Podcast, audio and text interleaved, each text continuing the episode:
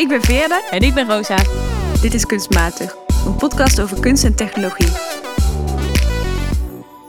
Hey hallo en welkom bij Kunstmatig, de podcast waarin wij, Veerle en Rosa, het grensgebied tussen kunst en technologie verkennen. Want hoe beïnvloeden technologieën hoe wij kunst ervaren en welke kritische vragen stelt kunst aan technologie? Vandaag onderzoeken we de relaties tussen likes en liefde. Oftewel de invloed van digitale technologie op onze relaties. Ja, we kunnen er echt niet meer omheen. Technologie heeft inmiddels zo'n beetje alles te maken met de relaties die we hebben. Of dat nou vriendschappelijk is, of dat nou met je familie te maken heeft. Maar natuurlijk ook op het gebied van liefde. We communiceren steeds meer met elkaar via digitale technologieën. Maar er is natuurlijk ook zoiets als de opkomst van de dating-apps, waarbij algoritmes voor jou voorspellen wie een mogelijke toekomstige partner voor je zou kunnen zijn.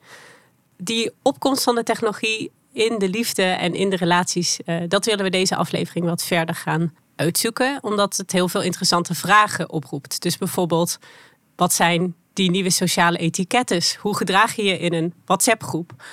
Maar ook, ja, hoe uh, ga je om als iemand je ghost en niks meer laat weten via een dating? Ja, dus die opkomst van die digitale technologieën uh, roepen een hele hoop ongemakkelijkheden en nieuwe vragen op, maar ook nieuwe kansen. Ja, dus er zijn eigenlijk verschillende dingen. Dus wat Rosa benoemt, enerzijds die technologieën hebben erg direct een impact op hoe we met elkaar omgaan, maar tegelijkertijd is er ook online een enorme hoeveelheid aan memes, aan TikTok-filmpjes, aan reels, aan noem maar op.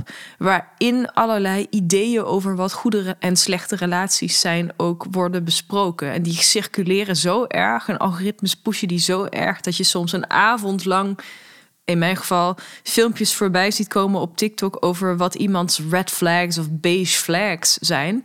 Wat ontegenzeggelijk ook een impact heeft op jouw eigen relaties. Omdat je dan toch gaat denken van, goh, hoe zit dat bij mij?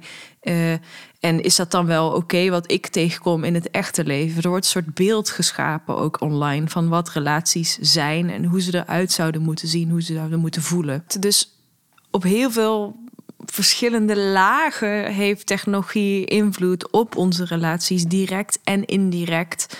Uh, in onze sociale interacties en in de beeldvorming rondom uh, wat een goede of slechte relatie is.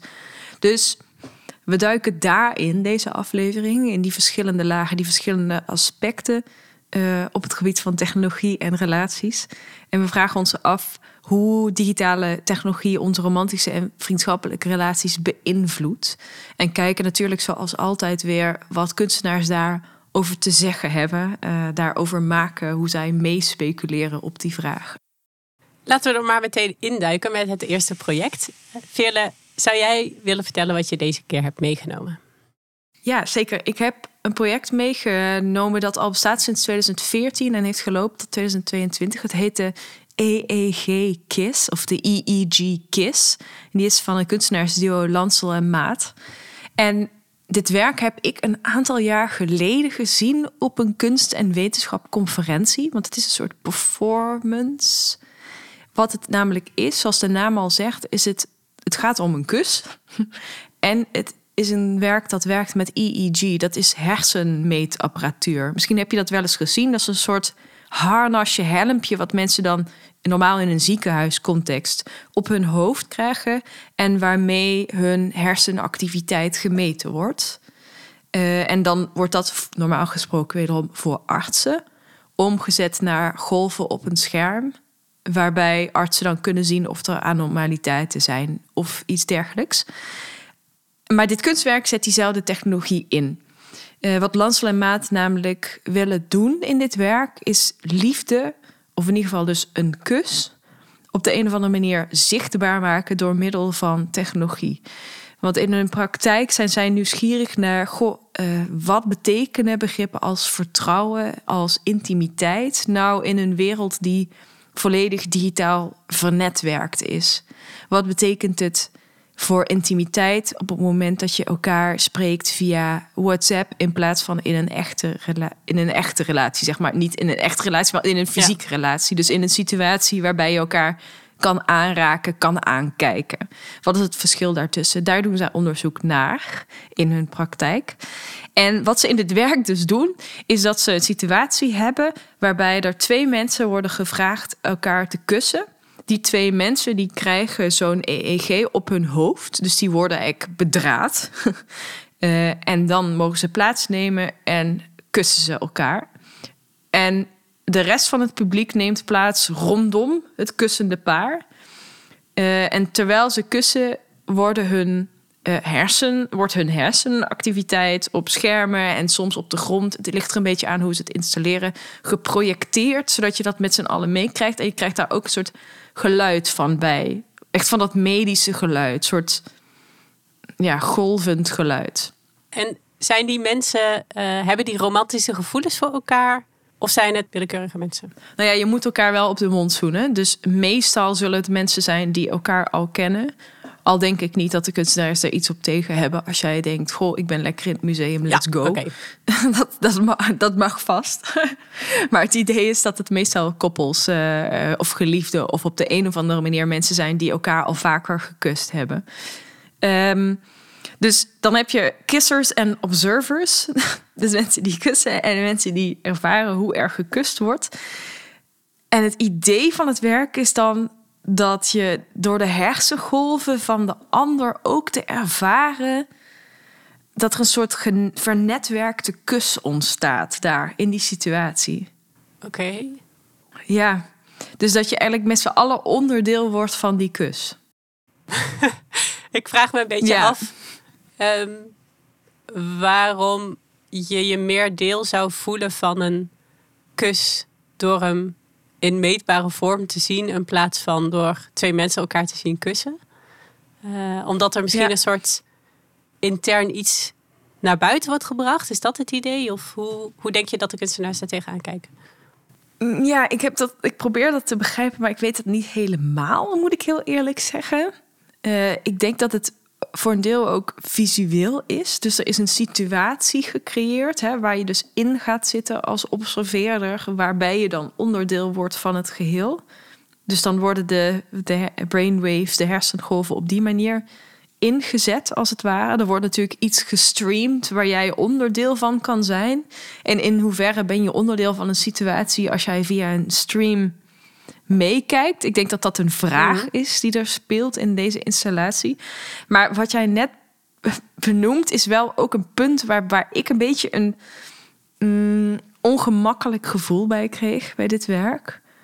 Uh, in hoeverre ben je echt onderdeel van het, de situatie op het moment dat je alleen maar toekijkt? Hè? Uh, en wat, wat zijn die datavisualisaties of wat zijn die uh, resultaten van die, van die technologische metingen? Wat, zijn, wat doen we daar nou eigenlijk mee in die installatie? Want ik ben geen arts.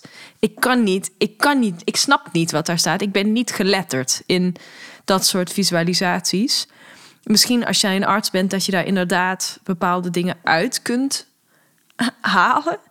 Maar voor mij komt het in zo'n moment ook wel over als een beetje een soort ja, vervlakking van, van wat uh, wetenschappelijke datavisualisaties ook zijn. In de zin van, ja, uh, ik kan wel gaan interpreteren van, oh ja, de piekjes zijn heel hoog, dus het zal wel een hele exciting uh, of opwindende kus zijn, maar geen idee wat ik zeg, weet je wel. Ik, ik snap helemaal niet wat ik zie. Behalve dat ik twee mensen zie kussen. En dan kan ik misschien aan de kus zelf wel aflezen of ze ongemakkelijk zijn of dat het fijn is. Of daar, daar durf ik misschien nog wel wat over te zeggen. Gewoon als ervaringsdeskundige. Maar als expert kan ik eigenlijk niet zo heel erg veel met die EEG-data. En dat, daarom vind ik dit. Ja, ik vind het project interessant om te bespreken. Maar ook omdat ik denk, ja, ik, wat gebeurt er nou helemaal? En hoe werd er in die context op gereageerd? Had je het idee dat veel mensen met die vraag zaten die jij had? Of vonden mensen het juist wel heel spannend om het te zien? Volgens mij vonden veel mensen het gewoon wel spannend om het te zien. Uh, je moet je ook voorstellen dat zo'n performance, voor wie niet zo vaak naar een conferentie gaat, normaal gesproken zit je de hele dag naar PowerPoint-presentaties te kijken. En dan sommige zijn heel goed en sommige zijn ook gewoon echt best wel saai. En uh, wat dat betreft is het dan heel interessant als je een performance uh, en artistiek werk tussendoor kan ervaren. Uh, wat je ook wel tot interessante vragen brengt over kunst en technologie en kunst en wetenschap natuurlijk. Thematisch ja, kan ik natuurlijk alleen maar mijn eigen ervaring daarin meenemen. Uh, we hebben er wel discussies over gehad, in ieder geval met de mensen die ik kende toen achteraf, omdat ik niet zo goed begreep wat ik had ervaren. En dat gevoel was volgens mij wel gedeeld. Op een bepaalde manier doet het me ook een beetje denken aan de grotere ontwikkelingen die zich op dit moment aan het afspelen zijn. Namelijk het feit dat we steeds meer dingen zoals liefde, wat toch een soort ongrijpbaar iets is, willen voorspellen, willen kwantificeren. Uh, je hebt enorm veel datingprogramma's op tv waarbij ze zeggen we gaan mensen aan elkaar koppelen uh, via de wetenschap. En dan kunnen we precies bepalen dat zij een, uh, een match zijn. En dan zie je ook dat mensen heel erg hun best gaan doen om daarnaar te leven. Of dat ze denken van ik faal erin, want ik ben wetenschappelijk gezien een match met iemand anders, dus het moet lukken. Um, ja. In zekere zin zie ik wel een linkje met dit werk, waarbij het ook heel erg onderzoekt in ieder geval van kun je zoiets als liefde of uh, fysieke aantrekkingskracht op die manier vastleggen. Um, Was dat ook een associatie die je bij, bij dat werk had? Nou ja, dat, als ik er positief naar kijk, denk ik ja, oké, het levert inderdaad interessante vragen op over in hoeverre kun je eigenlijk een kus wel representeren met dit soort data? Wat zegt het? Uh, dus dan zou je hem zo kunnen lezen. En ik denk dat dat een interessante laag is die je toevoegt daaraan, waar, je, waar ik in ieder geval enorme twijfels over heb. Of dat kan. Ik denk dat we daar heel kritisch over moeten zijn, over die soort wetenschappelijke lezing van wat succesvolle liefde of intimiteit dan is. Maar ik weet niet zeker of dat de intentie van het werk is. Het komt op mij serieuzer over. Het komt mij meer over op dat het een poging doet, zeg maar. Ik heb ook een stuk gelezen dat de kunstenaars schreven over het werk. Ze hebben ook een variant waarbij de data van de kus geprint wordt. En dat noemen ze dan ook A Portrait of a Kiss. Ja, precies. Ja, dan denk ik, hoe dan? Weet je wel, dat, dat is bijna een moment waar ik denk van... oké, maar dat, die, die data die zegt en wetenschappelijk niet zoveel, want ik kan ze niet lezen. En ze zegt eigenlijk niks over die kus. Ook. Dus dan denk ik, ja, maar hoe is dat dan een portret van een kus? Ik, ik, eh, ik weet het niet. Ja, oké, het is een soort souvenir voor een kus, misschien. Een herinnering aan een kus. Als ik jou zo hoor, klinkt het alsof het zowel te letterlijk is als te abstract of zo je hebt dan heel veel context nodig om te weten waar je naar aan het kijken bent. En als je die context weet, moet je vervolgens totaal maar aannemen dat het klopt dat daar iets gebeurt. En vervolgens, ook als je die aannames maakt, voel je natuurlijk nog steeds niet of het nou een ongemakkelijke kus was, of een verlangende kus, of een hele intense kus. Nee. Um, dat is natuurlijk allemaal informatie die je, denk ik, beter zou meekrijgen als je naar twee mensen kijkt die aan het kussen zijn. Ook al blijft er dan iets ongrijpbaars natuurlijk. Je kunt dat niet ja. mee. En misschien ben ik te veel een sociale wetenschapper die hier naar kijkt. Hè? Dat zou kunnen, hè? dat het werk gewoon niet per se voor mij als publiek is bedoeld. Omdat ik heb twijfels bij de waarde die we hechten aan het uitmeten van breinactiviteit, überhaupt. Weet je wel? In, in, som, in medische contexten natuurlijk is dat interessant. Maar kunnen we bijvoorbeeld de ervaring die mensen hebben van een kunstwerk op een goede manier meten door middel van het meten van hun breinactiviteit, weet ik niet. Weet ik niet. Daar heb ik echt heel erg twijfels bij, omdat ik denk dat je reduceert. En dat is hier misschien ook aan de gang. Dus die, die bril zit er bij mij ook uh, tussen, uh, waardoor ik misschien überhaupt al kritischer ben op het moment dat ik zie dat mensen EEG's uit de kast halen. Maar tegelijkertijd zelfs al ben ik dan misschien een beetje vooringenomen kritisch. Zelfs dan denk ik dat het alsnog goed is om vragen te stellen hierover. Want eh, bijvoorbeeld in een deel van de documentatie over het werk schrijven de kunstenaars ook van uh, in, uh, in EEG KISS we deconstruct and turn around control technologies and sensory perception to facilitate a new intimate kissing experience. Dus we, we, we deconstrueren en we, we zetten eigenlijk uh, bepaalde controlerende technologieën op zijn kop. En daarmee maken we een nieuwe intieme kuservaring. Maar ik weet niet hoe ze die control technologies, dus control technologies, dat is dan het feit dat je alles meetbaar kan maken. Maar hoe, hoe dan? En ik vond het, ik weet niet of het een intieme kuservaring is. If anything, is het een enorm, is het kussen op een podium. Uh, intimiteit is niet het gevoel dat ik had bij het toekijken naar een kus op een podium op een conferentie. Intimiteit is niet het woord dat ik zou kiezen.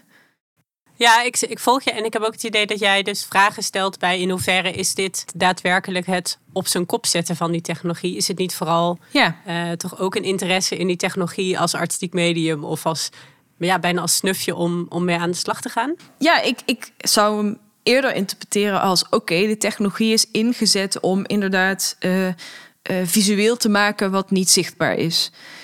en op die manier is het een middel, een tool om ook artistiek in te zetten. En dat is natuurlijk gerechtvaardigd. Hè? Dus als je zegt, goh, ik vind die, die, brain, die brainwaves, die hersengolven, vind ik mooi. Ik denk dat die sferisch iets toevoegen aan een kus en een situatie. Uh, zo zijn ze, wat mij betreft, zeker ingezet. En dan kun je daar esthetisch van vinden wat je wil. Uh, maar het voegt wel iets toe. Het creëert wel echt een setting.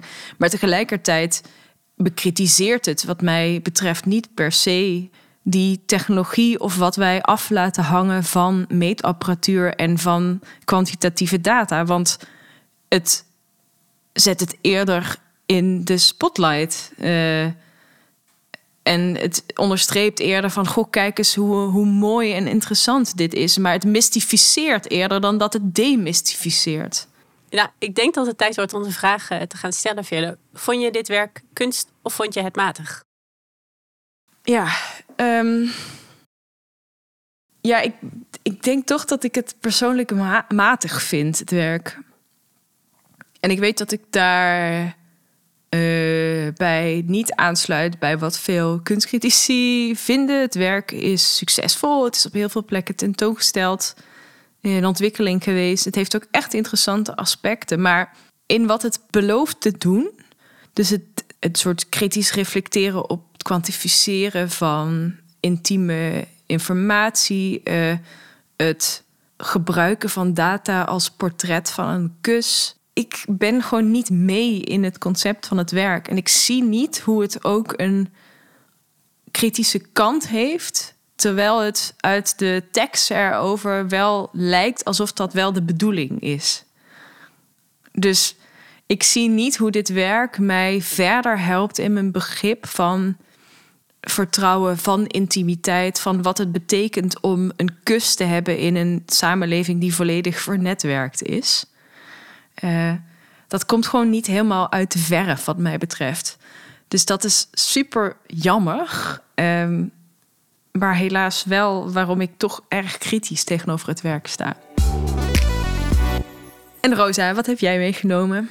Ik wil deze keer graag hebben over het werk Lauren van de gelijknamige kunstenaar Lauren Lee McCarthy. Uh, is een Amerikaanse kunstenaar en zij heeft dit performance- en installatiewerk gemaakt. En nou ja, zoals je inmiddels wel echt weet, uh, ging bij PC onderzoek over kunst en surveillance. En ik ben het werk geregeld tegengekomen in die context.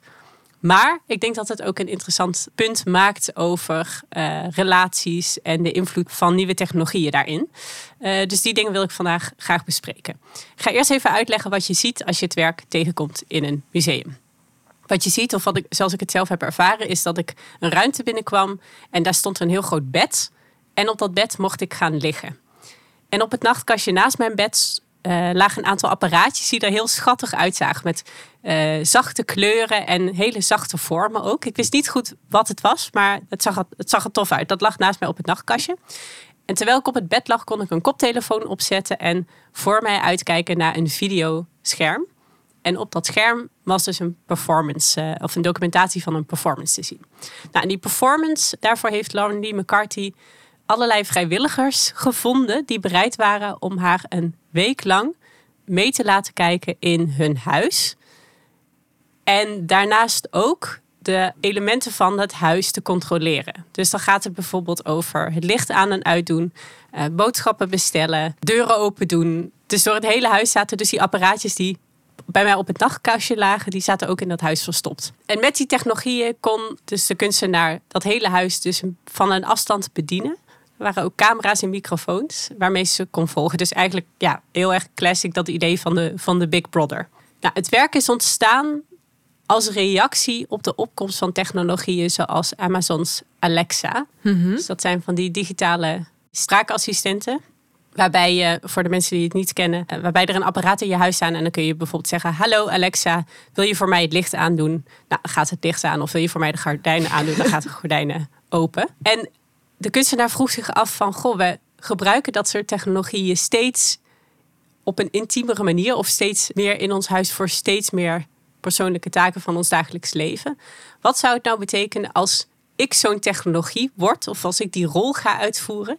En zou ik dat ook beter kunnen dan Alexa dat zou kunnen? Hmm. En ze heeft dus mensen bereid gevonden om zich een week te laten volgen. En wat je in die video ziet, is het verloop van die tijd. En ik vind het ontzettend mooi om, om te zien hoe mensen door die week heen ook veranderen ten opzichte van, van de kunstenaar. Dus je ziet dat ze binnenkomen de eerste dag en dan staan ze in een woonkamer en dan kijken ze een beetje om zich heen en is het van um, hallo ze weten namelijk dat ze bekeken worden, maar ze kunnen de kunstenaar niet zien. Dus is heel veel ongemak. En je ziet ook een aantal mensen die zeggen van ja, eh, ik weet eigenlijk niet zo goed wat ik nou moet doen. Moet ik gewoon op de bank gaan zitten? Of en zij zegt dan van een afstand ja, ga gewoon zitten en doe, alsof, doe bijna alsof ik er niet ben. Uh, dus dat hele ongemak is ontzettend aanwezig. En gedurende de week verandert die band. En begint de kunstenaar ook steeds meer niet alleen te reageren op opdrachten, maar ook te voorspellen wat die mensen zouden willen. Uh, dus ze zorgt ervoor dat er alvast een koffieapparaat wordt aangezet. Of dat er alvast ah, uh, ja. iets wordt bezorgd waar misschien die mensen op zitten te wachten. Of dat het licht alvast aanstaat of de verwarming.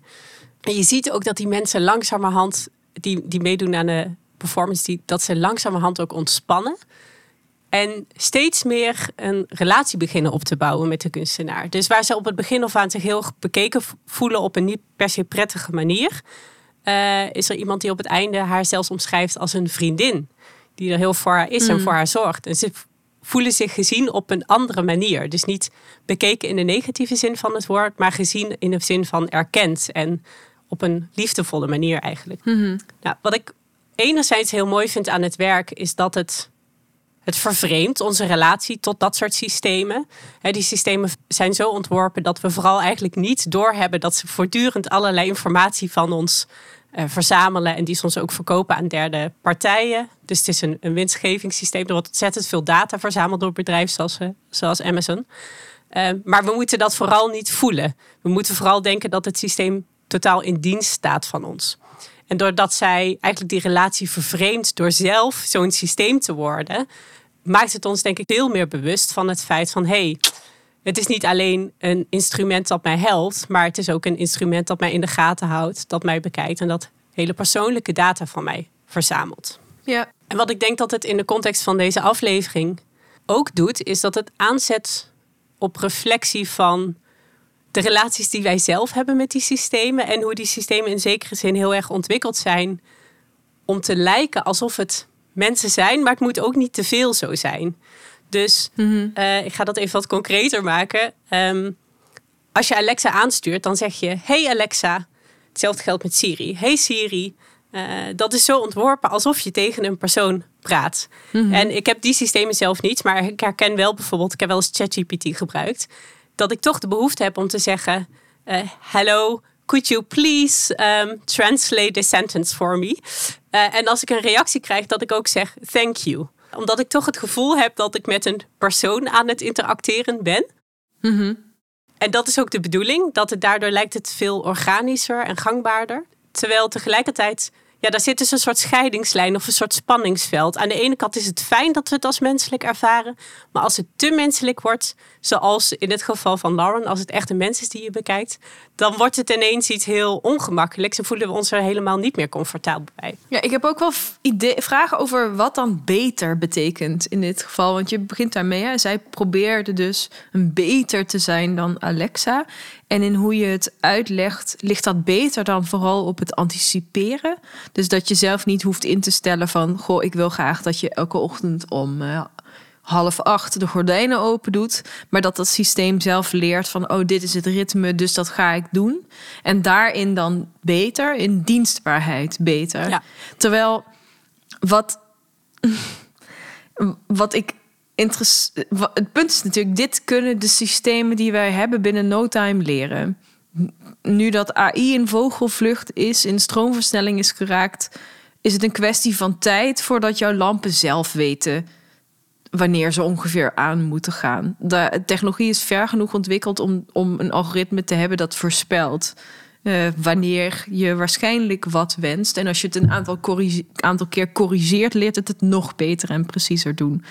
Dus die, die beter is een soort kwestie van tijd. Maar wat ik interessant vind aan wat je vertelt, is dat mensen vergeten dat relaties per definitie wederkerig zijn.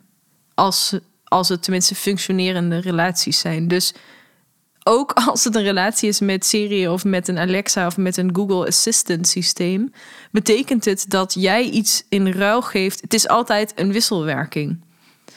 Ook in het echte leven, ook in je vriendschap en je familie. Als het niet een wisselwerking is, dan loopt het op een gegeven moment spaak. Alleen, het lijkt erop alsof zij eh, op het eerste oog de wisselwerking eruit haalt. Zij gebruikt die data dan alleen maar om nog dienstbaarder te zijn. Nou ja, en een kunstwerk te maken. Maar wat nou als het een echte relatie was geweest, dan had zij ook nog wel wat terug verwacht, waarschijnlijk. Ja, dat is wel interessant dat je dat zegt. Ik had nog niet zo heel over die wederkerigheid nagedacht. Ehm, ik denk dat het zeker klopt dat dat soort systemen heel erg steeds meer voorspellend werken. Waardoor ze ook steeds meer uh, hun aanwezigheid ook nog steeds minder opvalt of zo. Het moet vooral allemaal heel erg smooth gaan. Daarin deed ze het beter. Ik denk waar dat beter doen hem ook in zat, is dat wat is een vraag, hè? kan ik het beter doen of niet? Ja, um, precies. En als je kijkt naar hoe die mensen zich aan het einde van de week voelen, uh, zit hem dat beter voelen hem er vooral in dat ze zich dus gezien worden en erkend voelen. En ik denk dat daarbij het feit dat het een echt mens is, dus wel goed voelt. Tegelijkertijd was er natuurlijk, zie je ook dat er veel meer ongemak is door het feit dat ze een soort ja, bediende, dat is het eigenlijk, uh, hebben. Ja. Wat een ongemak is, wat we niet zo snel voelen bij apparaten, want het zijn gewoon systemen. Maar goed, ja, ik denk in die zin dus dat, dat die wederkerigheid niet per se in die interactie zit. Die wederkerigheid zit inderdaad in het feit dat die mensen uh, haar nou ja, een kunstwerk geven of uh, deelnemen aan een kunstwerk. En het is natuurlijk ook niet voor niks dat deze performances niet jaren hebben geduurd. Dus er zat ook duidelijk een einde aan. Hoe heeft dit werk jouw ideeën veranderd? Misschien over het feit dat we dus taken uitbesteden aan technologieën? Of heeft het dat veranderd? Het feit dat je je daar comfortabeler bij voelt of niet? Nou ja, ook door mijn onderzoek ben ik er altijd super kritisch op. Dus ik wil dat soort systemen uh, liefst niet in mijn huis hebben. Ik voel me daar heel oncomfortabel over. Maar wat misschien leuk is om te vertellen. Ik heb uh, in een van die musea waar het werk tentoon was gesteld ook bezoekersonderzoek gedaan. Dus heb ik uh, mensen geïnterviewd over hun ervaringen van de, van de tentoonstelling. En dit werk, er werden heel veel bezoekers aangehaald omdat het zo'n impact op ze had. Dus er was bijvoorbeeld een vrouw die zei van ja, eerst denk je van hé, hey, leuk technologisch snufje, dit haal ik in mijn huis. En vervolgens zet je het daar neer en raak je eraan gewend en denk je er nooit meer over na wat het nou eigenlijk doet. Mhm. En ze zei, door dit werk realiseerde ik me in één keer van, jeetje, uh, iemand is eigenlijk bij de hele tijd in de gaten aan het houden. En dat is iets waar ik me normaal helemaal niet bewust van ben. Dus het lijkt gewoon iets wat gaat om handigheid, om je leven makkelijker te maken. Het scheelt tijd. Terwijl eigenlijk ondertussen is het ja, is het een apparaatje dat dat doet, maar wat vooral ook voor heel veel gebruikt wordt om heel veel data van je te verzamelen en af te nemen. En die extractie van informatie, van data, die levert bedrijven zoals Amazon of Google natuurlijk heel veel op. Want dat kunnen ze gebruiken om nog beter advertenties op jou in te zetten en producten zo te ontwikkelen dat ze nog meer aan je kunnen verdienen.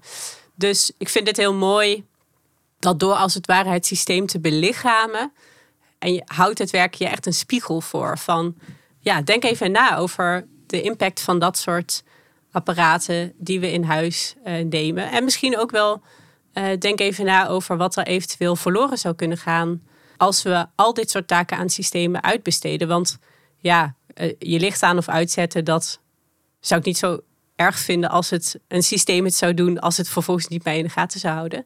Maar als het gaat mm -hmm. over meer zorgtaken, zou ik het wel erg vinden als we zeggen van nou, nou dat kan technologie allemaal op een afstandje doen.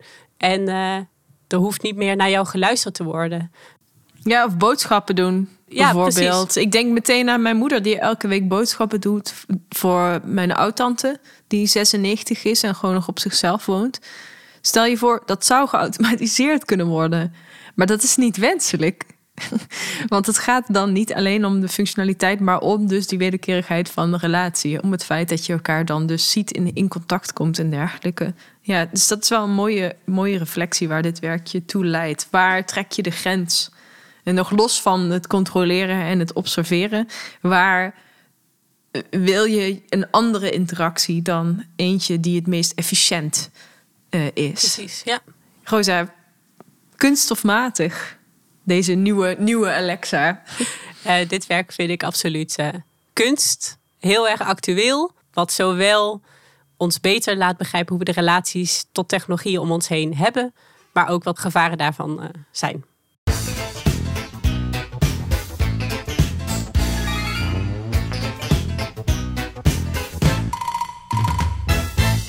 De gadget deze aflevering is een sociaal experiment dat een beetje provoceert. Het heet Clickety Click, Tracking of Love. En het is een installatie eh, waarin je deelneemt in een nieuwe dating app. Uh, een dating app waarbij je niet een profiel uh, invult over jezelf, maar waarin je gevraagd wordt om een postje door te brengen op een aantal websites. En zonder dat je dat zelf per se doorhebt, uh, worden terwijl je dat doet, jou, wordt jouw muisactiviteit getraceerd. Dus het systeem weet precies waar jij op klikt, waar jij met je muis boven zweeft en hoeveel je scrolt. En het houdt dat bij om vervolgens een datingprofiel en matches voor jou te maken. Dat gebeurt niet zomaar, want het Klikkerie Collective dat bestaat uit Lucas Vulp, uh, Robin van der Gient, Henny Bulstra en Leon van Oldenborg.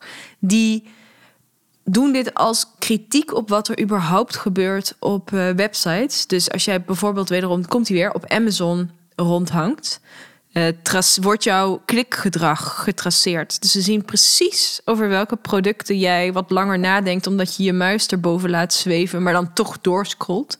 En op die manier kunnen er weer betere aanbevelingen voor producten die je misschien toch stiekem wel wil hebben aan jou aanbevolen worden. Maar hier wordt dat, dat gegeven dus ingezet om te kijken of jij een scroller, een clicker of een hoverer bent. Uh, ik was een, uh, een klikker. Ja, ik was volgens mij een hoverer. En dan op basis daarvan word je gematcht. En dan kun je kijken of het scroll- en klik- en hoever gedrag van een ander jou aanstaat. En als dat zo is, dan kun je in het echt een, een, uh, een afspraak maken. Dus in plaats van een foto van iemand anders zie je diens online nou ja, gedrag of diens muisgedrag. Ja, het werk is een kritische, maar ik vind het ook wel een heel humoristische uh, commentaar op, uh, op dating apps zoals Tinder of OkCupid of Bumble. Waarbij algoritmes op basis van de data die je invoert gaan voorspellen bij wie je het beste zou kunnen passen. En net zoals in het project dat we hiervoor hebben besproken, is er ook een enorm probleem met het feit dat dat soort apps, nou ja, tussen haakjes gratis te gebruiken zijn, maar vervolgens heel veel van je persoonlijke data verkopen aan derde partijen.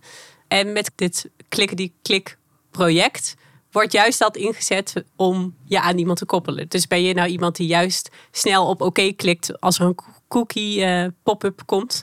Nou, misschien pas je dan wel goed bij iemand die dat niet doet. En uh, kun je daar een leuke kritische discussie over hebben. Of juist iemand die dat wel doet. Um, dus ik vind het heel tof dat ze eigenlijk een probleem van bestaande apps aanwenden. om er vervolgens op een kritische manier een leuk interactief werk over te maken. Je kunt het helaas niet zelf proberen online. Maar ik denk dat het werk vast te zien zal zijn op festivals of in tentoonstellingen. Op een sokkeltje. Deze keer op het sokkeltje staat het werk van de Belgische kunstenaar Marijke de Rover. En het gaat om een collectie memes die zij maakte met de geweldige titel Niche Content for Frustrated Queers. Marijke de Rover is een kunstenaar die veel werk maakt rondom thema's zoals feminisme, queeridentiteit en seksualiteit. En in haar werk zie je vaak referenties naar populaire beeldcultuur, naar internetcultuur. Um, en memes spelen dus ook een grote rol. Ik heb haar ooit mogen interviewen en eh, toen noemde ze zichzelf een echte meme-connoisseur. Ik vind dit fantastisch. Dit is echt de beste titel die je zelf kunt geven. Ja. Absoluut. En als je het werk ziet, dan eh, kan ik wel bevestigen dat dat zeker het geval is. Het werk bestaat dus uit een collectie van memes die op Prins beschikbaar zijn gemaakt. Dus ik kwam ze tegen in de tentoonstelling Modern Love bij Impact, waar ze in vierkante blokjes aan de muur als een verzameling eh, hingen. Ja, en dat op zichzelf is al een sokkeltje waard. Want het is natuurlijk eh, kunsthistorisch zo dat er gewoon bepaalde maakvormen zijn die niet zo snel museumwaardig worden geacht. En eh, toevallig, niet toevallig, zijn dat vaak ook maakvormen waar vrouwen veel mee bezig zijn. Net zoals het vroeger eigenlijk heel ongebruikelijk was, omdat je textielwerken zag in een museumcontext. Nou, voor memes kun je volgens mij hetzelfde zeggen. Memes zijn zo'n belangrijke uitingsvorm en visuele vorm online, maar zelden komen memes terecht in serieuze eh, tentoonstellingen als serieuze kunstwerken. En het werk van Marijke de Rover doet dat wel. Uh, dus Niche Content for Queers is echt een serie alsof het een serie schilderijen is, maar dan een serie memes. Dus geknipt en geplakt met teksten die grappig en super ironisch zijn. En specifiek gaat deze serie heel erg over de millennial generatie. Over hoe wij zijn allebei van de millennial generatie. Uh, hoe onze generatie soort pessimistisch is over de wereld, maar ook wel met zelfspot probeert om daar doorheen te komen. En ook uh, er zit heel veel humor in de serie die gaat over hoe wij onze relaties vormgeven en wat voor ook soms, nou ja, psychologische problematiek daar toch wel in zit. Dus dat het best lastig is om een soort van de eerste generatie te zijn die probeert aan zichzelf te werken, waarin queerness langzaam maar zeker toch geaccepteerder wordt, maar nog steeds tot spanningen in jezelf of in je omgeving of tussen jou en andere generaties leidt. En daar maakt zij heel veel grappen over in deze serie. Uh, en het is heel erg cringe om memes voor te lezen. Dus ik stel voor dat we dat niet doen. Op onze Instagram kun je wel een voorbeeld zien uit haar serie. En zoek het ook vooral op. Maar ze zijn memes zoals memes horen te zijn. Dus fragmenten uit oude middeleeuwse schilderijen met toepasselijke tekstjes erbij. Gevonden foto's op het internet. Iemand die een heel groot glas wijn drinkt je kent de meme-taal wel als je af en toe wat tijd online eh, doorbrengt op Instagram of op Reddit. Of waar er ook memes overal te vinden zijn. Ja, wat ik heel erg tof vind aan deze memes is dat ze echt die tragicomische toon hebben. Dus het is pijnlijk, soms ook pijnlijk herkenbaar. Uh, en tegelijkertijd moet je er ook enorm om lachen. Um, en ik denk een van de thema's die in de verschillende memes ook heel erg naar voren komen zijn zelfrepresentatie op social media. En hoe millennial generatie heel erg bezig is met hoe kom ik over op sociale media? Hoe kan ik mijn profiel of mijn identiteit zo goed mogelijk en aantrekkelijk mogelijk cureren? En tegelijkertijd, ja. ja wat is het contrast tussen dat beeld van mijzelf online, uh, wat natuurlijk ook een grote rol speelt bij dating apps, en mijn ervaring daarachter, de trauma's die ik met me meedraag, uh, de negatieve ervaringen, de complexe dingen, problemen waar ik steeds tegenaan loop bij mezelf of in een partner. En ik vind dat ze die hele complexe verhalen in beelden heel mooi weten vangen. Dus er zit eigenlijk heel veel gelaagdheid in, terwijl er heel weinig tekst en beeld te zien is. En dat vind ik knap. En ik denk dat dat ook heel kenmerkend is voor de kracht van de meme, waarbij je aan de ene kant vaak hele persoonlijke en ook wel niche ervaringen hebt. En tegelijkertijd zie je dat die memes heel erg leunen op gedeelde culturele sociale codes. Dus je moet vaak al best veel context hebben om het te begrijpen. Maar als je die culturele context vat en begrijpt en je je daarin bevindt, dan raakt het vaak heel erg een, een uh, gevoelige snaar op een juiste manier. Dan denk je, oh, dit is zo herkenbaar of dit gaat precies inderdaad over het probleem. En ik ben zelf iemand die ook wel vaak tegenover vrienden met memes communiceert omdat het inderdaad soms zo'n heel lang verhaal heel erg uh, kan raken en samenvatten. Dus dit werk gebruikt niet alleen de taal van online, dus de, de meme-taal die we daar gebruiken, maar voegt ook specifiek wat toe, voegt heel maatschappij-kritische eh, perspectieven, andere perspectieven dan de norm. Dus door echt vanuit een vrouwelijk perspectief, vanuit een queer perspectief, memes te maken die reflecteren op zelfbeeld, op hoe we ons positioneren als millennial generatie. Voegt dat toe en toont dat juist niet ook op Reddit eh, en op eh, WhatsApp en op Instagram, maar toont dat in de context van een kunstinstelling om op die manier ook het gesprek aan te zwengelen over op welke manier communiceren we nou over de liefde? Op welke manier hebben we het gevoel dat we ons moeten representeren in de liefde? Uh, in een wereld die nou eenmaal voor een groot deel bestaat uit digitale technologie. Een groot deel van ons leven brengen we door binnen de digitale technologieën. Op sociale media, op apps zoals Tinder en Bumble en noem ze allemaal maar op. Uh, en daarom is dit werk zo'n mooie sokkel in deze aflevering, omdat het daarmee ons terugbrengt naar die eerste vraag over het eigenlijk het stelt het niet eens meer ter discussie dat technologie een belangrijke rol speelt in onze relaties.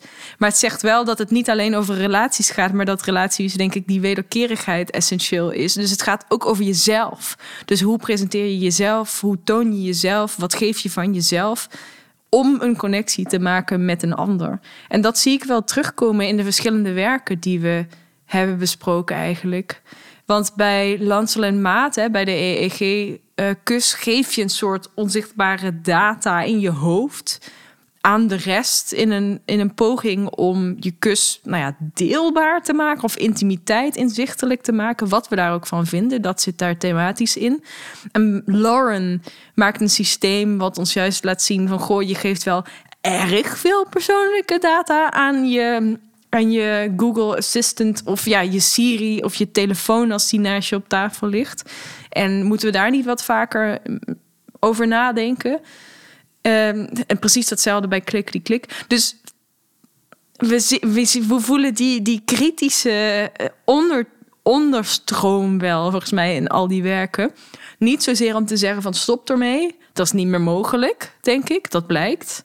Maar wel om te zeggen, god, denk eens even twee keer na over één wat die digitale mediatie van je relaties betekent voor hoe jij jezelf voelt en hoe je jezelf presenteert en wat je toont en wat je cureert. En anderzijds, wat krijgen die technologieën van je als bijvangst bijna op het feit dat ze zo dichtbij mogen komen en zulke intieme momenten uit je leven, zoals het ontmoeten van je partner of het licht uitdoen voor je naar bed gaat. Wat betekent het eigenlijk dat daar dan technologie bij is als soort toeschouwer of als bediende? Uh, en als je de bediende niet betaalt, mm, wat krijgt hij er dan voor in de plaats? Ja, voor mij gaan de werken allemaal ook op een bepaalde zin over dat spanningsveld tussen verbinding en vervreemding. Ja. Hè? Technologieën zorgen ervoor dat we op ons nieuwe manieren soms ook snellere manieren met elkaar kunnen verbinden. We kunnen nieuwe verbindingen aangaan met mensen die we anders misschien nooit hadden ontmoet. En tegelijkertijd kunnen ze er ook voor zorgen dat we ons tot elkaar, maar misschien ook tot onszelf vervreemden. Of dat er een steeds groter gat bestaat of ontstaat tussen hoe we online verschijnen, wie we in die digitale sfeer zijn en hoe we ons offline in ons lichaam voelen. En ik denk dat dat spanningsveld iets is wat in de toekomst nog heel lang relevant zal blijven. En, Mooi. Ehm, ja, wat ook weer nieuwe vragen oproept. Ja, hey, deze keer is net zoals altijd wel heel relevant dat je de memes en de foto's van de werken kunt bekijken op onze Instagram, uh, kunstmatig de podcast. Daar delen we uh, het beeldmateriaal dat hoort bij waar je naar geluisterd hebt. Als je andere ideeën hebt, suggesties of vragen, stuur ons een mailtje via info.kunstmatig.net. En anders horen we je heel graag volgende maand weer met een nieuwe aflevering. Doei!